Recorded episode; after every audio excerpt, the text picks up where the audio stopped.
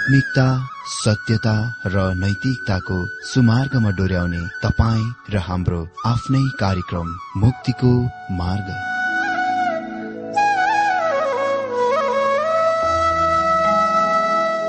आदरणीय श्रोता यस मुक्तिको मार्ग कार्यक्रममा हार्दिक स्वागत छ। आशा छ यस आत्मिक कार्यक्रमद्वारा जीवनमा आत्मिक आशिष अलौकिक शान्ति र आनन्द प्राप्त गर्नुहुनेछ। र जीवनमा धन्य अनुभव गर्नुहुनेछ। आउनुहोस् श्रोता।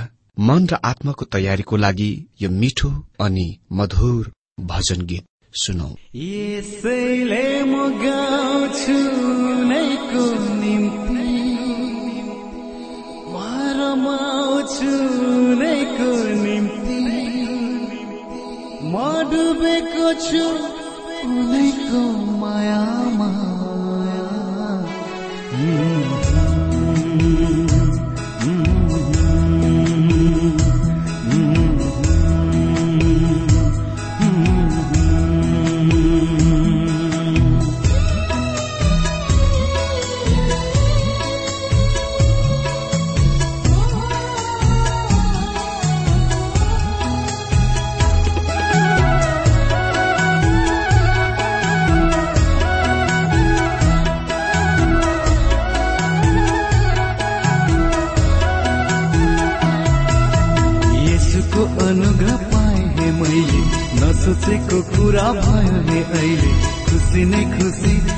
हुने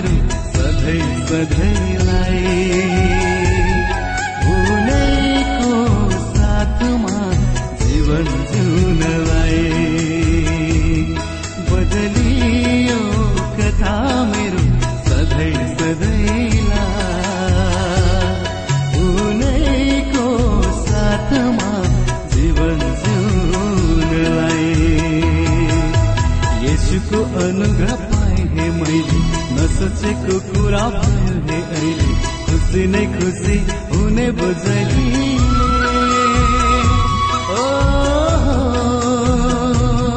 यसैले म गाउँछु नैको निम्ति म नै नैको निम्ति म डुबेको छु।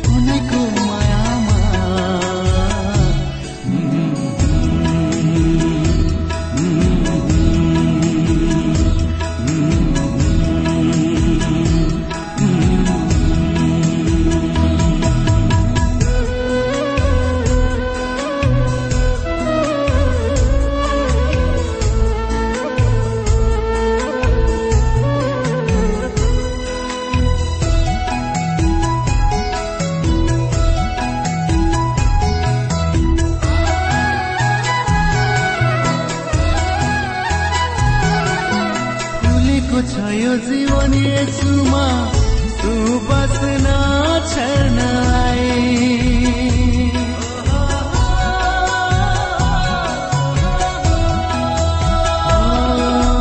फुलेको छ यो जीवन यसोमा तु बस्न छ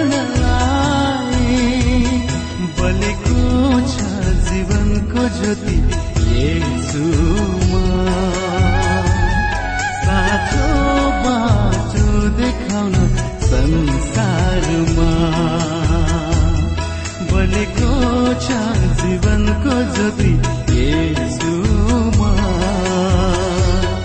साँचो बाटो देखाउन संसारमा। यसुको अनुग्रह पाएँ हे मैले नसोचेको कुरा भयो हे अहिले। खुसी नै खुसी हुने बुझाइले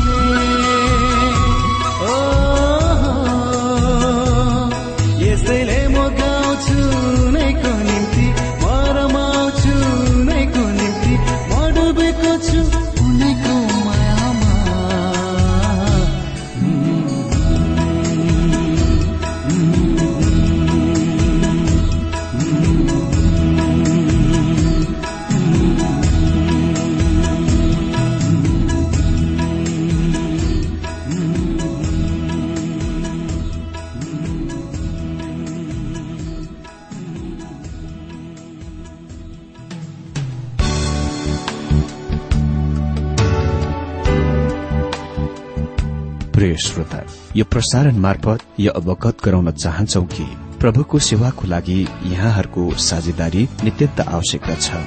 यहाँहरूले प्रार्थनाको साथसाथै आर्थिक सहायता गर्न अनुरोध गर्दछौ। तपाईँहरूको सानो भन्दा सानो भेटी किन नहोस्? हामी प्रभुको नाममा स्वीकार गर्नेछौ। प्रभुको सेवाको लागि। तपाईँहरूको यो सानो लगानीले कसैको जीवनमा भिन्नता ल्याउँछ अनि प्रभुको महिमा हुन्छ। प्रभु तपाईँहरूलाई महान गरी आशिष दिनुहुनेछ। इच्छुक श्रोताहरूले तपाईँको इच्छा भेटी हाम्रो ठेगानामा पठाउन सक्नुहुन्छ जुन ठेगाना हामी कार्यक्रमको अन्तमा दिनेछौ। प्रिय श्रोता मित्र प्रभु येशु ख्रिष्टको मधुर अनि सामर्थ्यनामा मेरो जयमसी तथा हार्दिक स्वागत छ आजको यो बाइबल अध्ययन कार्यक्रममा। श्रोता अघिल्ला दिनहरूमा हामीले मुख्य विषय सत्य विश्वास त्यागको वृत्तान्तहरू अन्तर्गत तीन कुराहरू वा तीन उपविषयहरू देखिसकेका छौं। एक अध्ययको चार पदमा सत्य विश्वास त्यागको शुरूआत एक अध्ययको पाँच पदमा अविश्वासमा इसरायली उजाड स्थानमा नष्ट भए अनि एक अध्ययको छ पदमा स्वर्गीय दूतहरूले विद्रोह गरे र कैदमा साङ्लाले बाँधिए। आज हामी एक अध्यय सात र आठ पदबाट बाइबल अध्ययन गर्नेछौ। यहाँ हामी सबभन्दा पहिले देख्नेछौ सदोम र गमोराले मैथुन वा काम बासना क्रियामा पाप गरे र आगद्वारा नष्ट भए। यहुदा एक अध्ययको सात पदमा यस प्रकार लेखिएको छ। जसरी सदोम र गमोरा र तिनका आसपासका सहरहरू जुनहरू व्याविचार गरेर अस्वाभाविक काम वासनामा फँसेका थिए तिनीहरू अनन्त अग्निको दण्ड भोगेर उदाहरण बनेका छन्।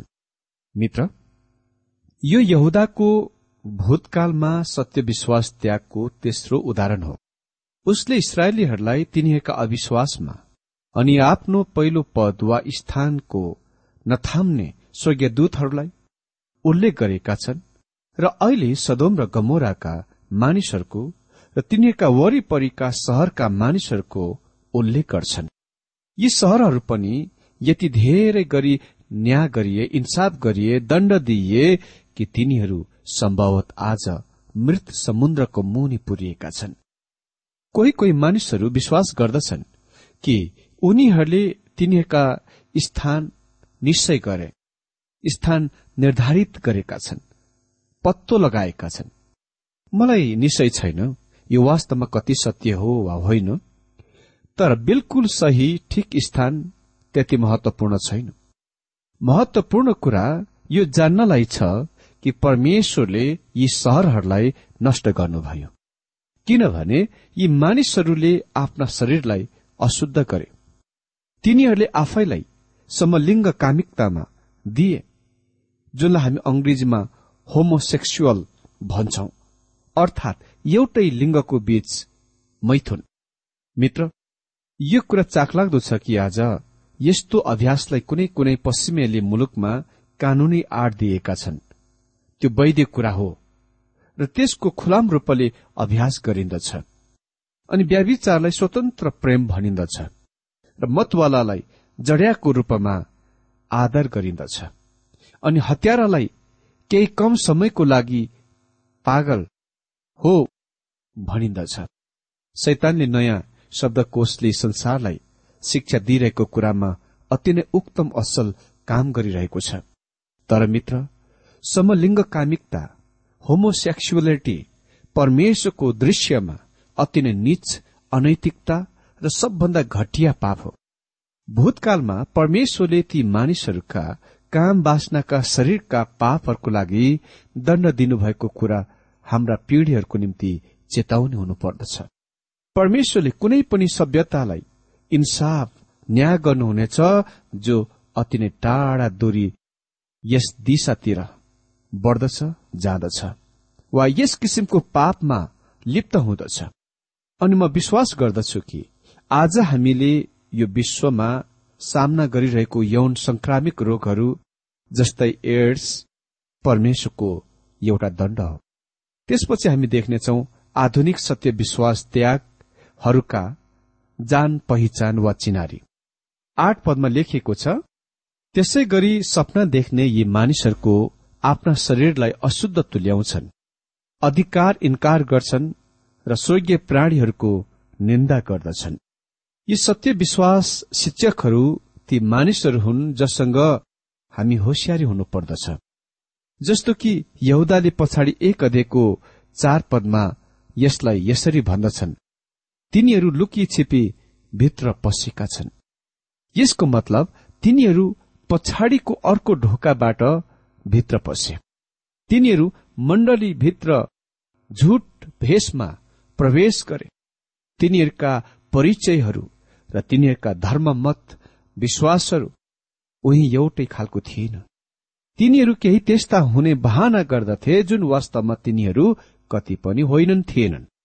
त्या चारवटा सत्य विश्वास त्यागी शिक्षकहरू तिनीहरूका परिचय वा चिनारीका बुँदाहरू छन् जुन यहुदाले हामीलाई यस पदमा दिन्छन्। पहिलो तिनीहरू घिनलाग्दा स्वप्नदर्शीहरू हुन्।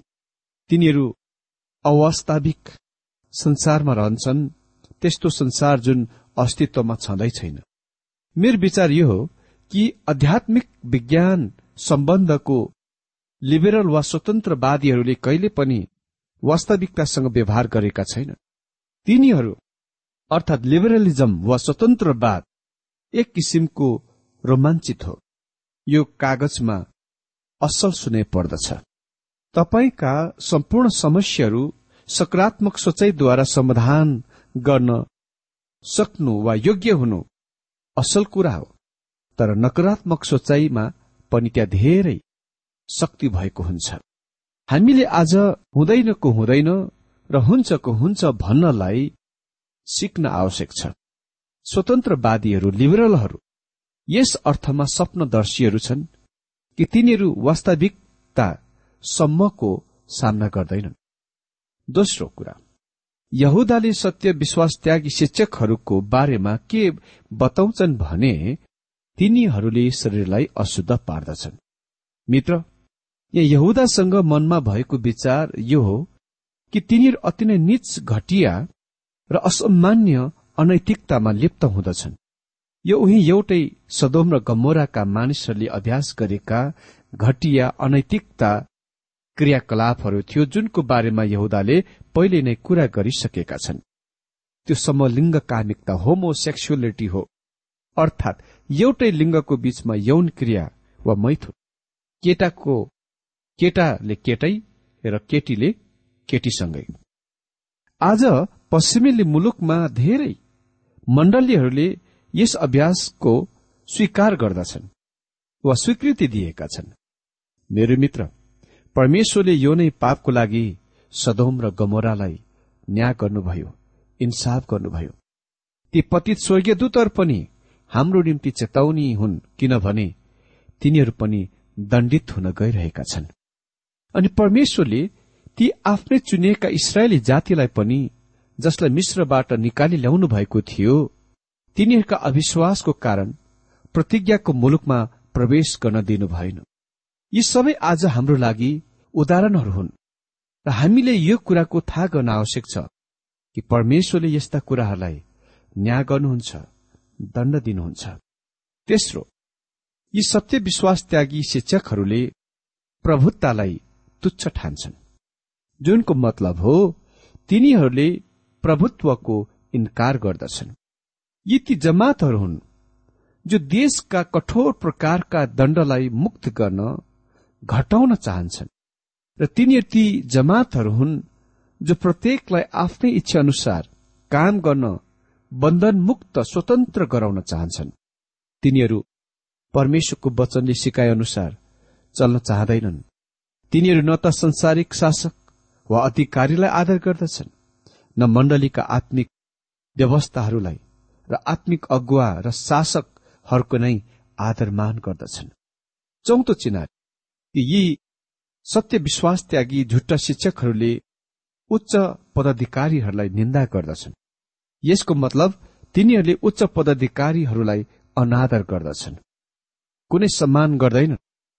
तिनीहरू नियम कानून व्यवस्थाहरूको र अधिकारमा हुने उच्च पदाधिकारीहरूको विरोध गर्दछन्। मित्र कुनै पनि शासक वा उच्च पदाधिकारीहरू तिनीहरूलाई हामीले आदर मान गर्नुपर्दछ तिनीहरू परमेश्वरबाट नियुक्ति भएका हुन्छन्। मुलुकलाई सुव्यवस्थित र सच्चा रूपले चलाउन नियम कानून र व्यवस्थालाई राम्ररी कायम गरिराख्नलाई बाइबलले हामीलाई सिकाउँछ हामीले। हामीलाई शासन गर्ने शासक पदाधिकारीहरूलाई तिनीहरूका आज्ञा मुनि रहनु पर्दछ। हामीले तिनीहरूको आदरमान गर्नुपर्दछ हजुर अहिले म यस कुरालाई पनि स्पष्ट पार्न चाहन्छु कि अधिकारमा हुने कोही कोही मानिसहरू कति पनि आदर मानको योग्य छैनन्। तापनि तिनीहरूले ओगटेका कार्यभार पद स्थानले निश्चय नै आदर र सम्मानको माग गर्दछ। यहुदाले यसको हामीलाई अर्को पदमा उदाहरण दिन्छन्। फेरि यस सत्य विश्वास त्यागहरूका चरित्र चित्रण गर्ने विशेषताहरूका चिनारीहरूका ध्यान दिउँ जो मण्डलीभित्र पसेका छन्। तिनीहरू पछाडिपट्टिको ढोकाबाट पसेका छन्। तिनीहरू ऐश्वर्य हुन्। तिनीहरूले परमेश्वरको अनुग्रहलाई कामुक्तामा परिणत गर्दछन्। परिणत गर्दछन्। तिनीहरूले प्रभु येशु ख्रिस्टलाई इन्कार गर्दछन्। तिनीहरू स्वप्नदर्शी हुन्। तिनीहरूले शरीरलाई अशुद्ध गर्दछन्। र तिनीहरूले प्रभुत्वलाई तुच्छ ठान्दछन्। र तिनीहरूसँग उच्च पदाधिकारीहरूको लागि कुनै आदर सम्मान छँदै छैन। यिनै कुराहरूले तिनीहरूका चरित्र चित्रण गर्दछ तिनीहरूका चिनारी विशेषता जनाउँछ र तिनीहरू खतरनाक हुन्। किनभने यो नै तरिकामा तिनीहरू मण्डलीभित्र पसेका छन्। यसै प्रसंगमा म एउटा ऐतिहासिक वास्तविक कथा बताएर नमूनाद्वारा स्पष्ट बनाउन चाहन्छु। ग्रीक सेनाहरूले दश वर्ष लामो समयदेखि ट्रोयाको सहरलाई घेराबन्दी गरिराखेका थिए। तर त्यस सहरका किल्लाहरूमा कुनै छेद बनाउन वा पाल बनाउन सकेनन्। यो यस्तो देखिन्थ्यो कि त्यो दुर्जन थियो। दुर्जय वा विजय गर्न नसकिने जित्न नसकिने कुरा थियो र तिनीहरू त्यस सहरभित्र पनि प्रवेश गर्न सकिँदैनथ्यो। त्यसपछि तिनीहरूको बीचमा छलफल भयो र त्यहाँ एउटा राय वा सुझाव निस्किआयो। त्यो सुझाव वा राय चाहिँ केही सैनिकहरू भित्र अटाउने ठूलो काठको घोडा बनाउने थियो र त्यस सैनिकहरू भित्र भएका ठूलो काठको घोडालाई त्यस किल्लाको सहरको ढोका बाहिर छोडिराखेर आफूहरू चाहिँ आफ्ना जहाजहरू लिएर आफ्नो बाटोतिर फर्किजाने बहाना बनाउने थियो। त्यसकारण तिनीहरूले ठूलो सुन्दर काठको घोडा बनाए। र तिनीहरूले त्यसभित्र केही सैनिकहरूलाई राखे। र त्यसलाई ट्रोयाको सहरको मूल ढोकाको ठिक सामने राखियो। हजुर त्यहाँका बासिन्दाहरूको मनमा त्यस्तो सुन्दर चिजलाई जान्ने थाहा पाउने जिज्ञासा उत्पन्न पैदा गराउने थियो।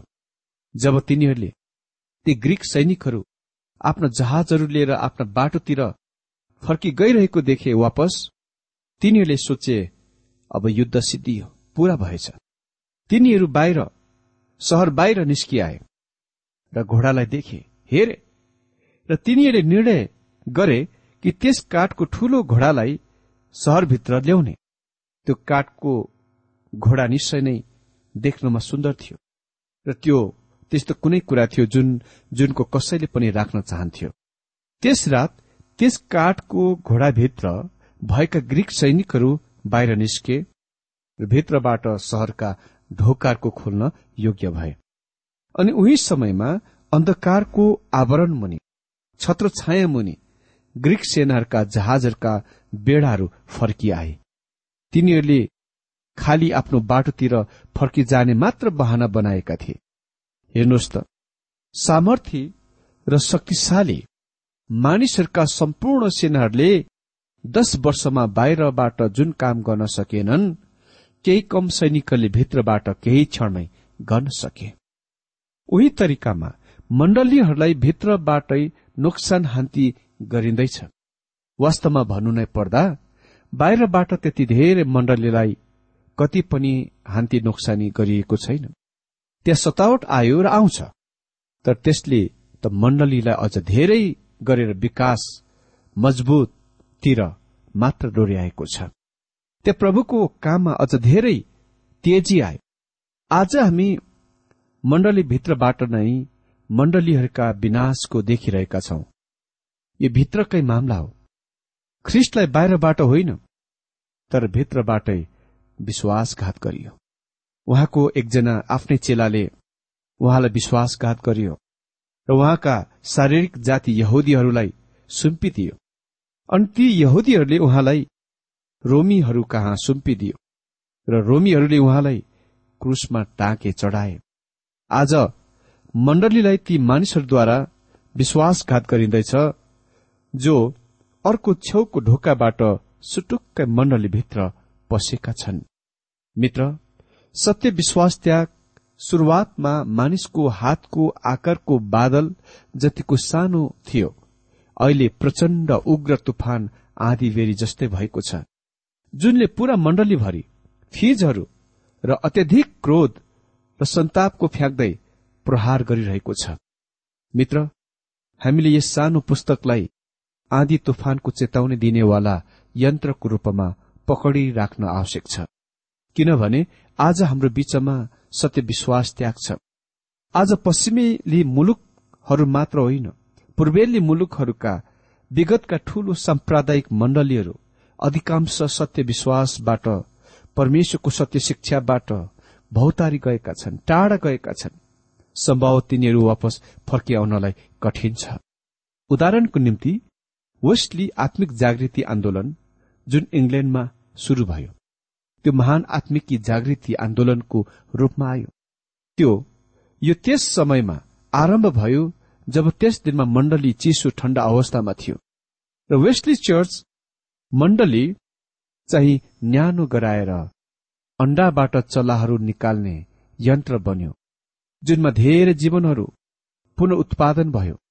तर तर मलाई यो भन्नमा दुःख लाग्छ कि आज धेरै क्षेत्रहरूमा स्थानहरूमा यो अति नै धेरै चिसो भएर बरफ जस्तै जमेको छ। जुनले वेस्लीको बाहिर आकृति वा रूप र विधि चाहिँ जोगाएर सुरक्षित राखेको छ तर त्यससँग कुनै न्यानोपन वा गरमपन र त्यससँग एक समयमा भएको जीवन छैन। अनि त्यो कुनै पनि मौलिकवादी मण्डलीहरू र सम्प्रदायमा पनि सत्य छ। हुन सक्ला पूरा मण्डलीको त्यस्तो स्थिति नहोला तर त्यहाँ कोही कोही सदस्य त्यस्ता अवस्थामा छन्। आज तपाईँ र म त्यस विश्वास त्यागका दिनहरूमा रहिरहेका छौं र हामीले आफैले एकपल्ट आफैलाई न्यायालय हेर्न र मण्डलीहरूको अवस्थाको हेर्न र जाँच्न आवश्यक छ।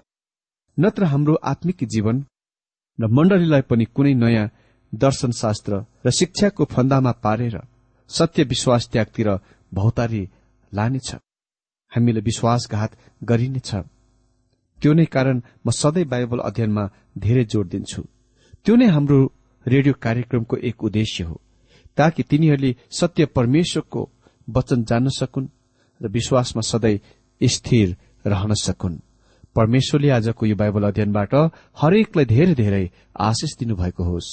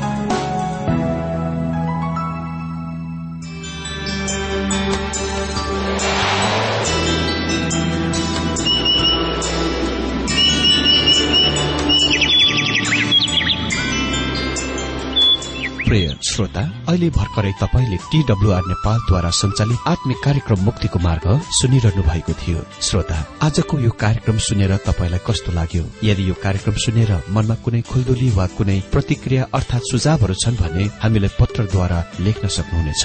हामी हृदयदेखि नै स्वागत गर्नेछौ स्वीकार गर्नेछौ साथै बाइबल सम्बन्धित प्रचारहरू कार्यक्रम सारणीहरू हामी अनुरोधमा पठाउन सक्छौ। अनि तपाईँसँग कुनै प्रार्थनाको विषय छन् भने हामीले तपाईँको लागि प्रार्थना गरेको चाहनुहुन्छ भने प्रभुमा आफ्नै परिवार सम्झेर हामीलाई पत्रमा लेख्न सक्नुहुनेछ। तपाईँको लागि हामी प्रभु येशुसँग प्रार्थना गर्नेछौ। अधिक जानकारी र पत्रचारको लागि हाम्रो ठेगाना यस प्रकार छ। कार्यक्रम मुक्तिको मार्ग जीपीओ नम्बर उनानब्बे पचहत्तर एपीसी पच्चिस एकसठी काठमाडौँ। ठेगाना एकपल्ट सुन्नुहोला कार्यक्रम मुक्तिको मार्ग जीपीओ नम्बर उनानब्बे पचहत्तर एपीसी पच्चिस एकसठी काठमाडौँ। हाम्रो इमेल एड्रेस हो T W R Nepal at Yahoo dot com साथै यस नम्बरमा एसएमएस गर्न सक्नुहुनेछ अन्ठानब्बे चार सत्तरी पैतिस छ सय उनासी नौ आठ चार सात जिरो तीन पाँच छ सात नौ। हुन्छ श्रोता आजलाई हामी विदा चाहन्छौ। अर्को कार्यक्रममा हामी पुनः भेट्नेछौ तबसम्मलाई नमस्कार।